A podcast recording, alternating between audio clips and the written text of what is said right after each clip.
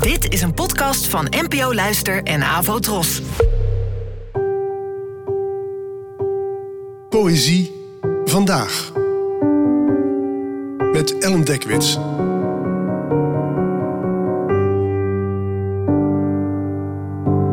Hallo, fijn dat je luistert.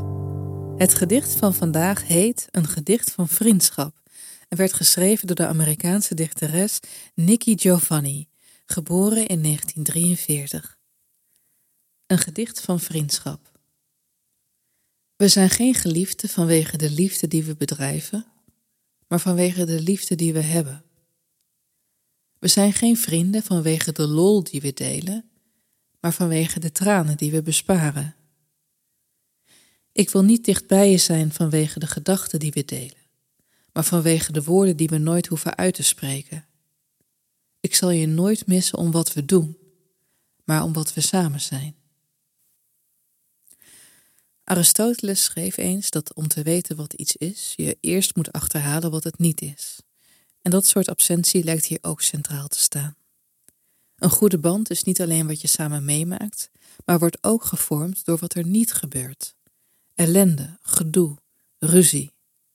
Het is niet alleen wat je doet, maar wat je voor elkaar bent. En dat is iets waar we in een doel- en resultaatgerichte tijd als deze wel wat vaker bij stil mogen staan. Millennia na Aristoteles schreef de Franse filosoof Baudrillard dat de kern van vriendschap de bereidwilligheid is om samen tijd te verspillen.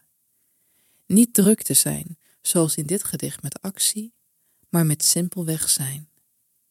En dat is voor echte vrienden vaak al meer dan genoeg. Bedankt voor het luisteren en tot de volgende keer.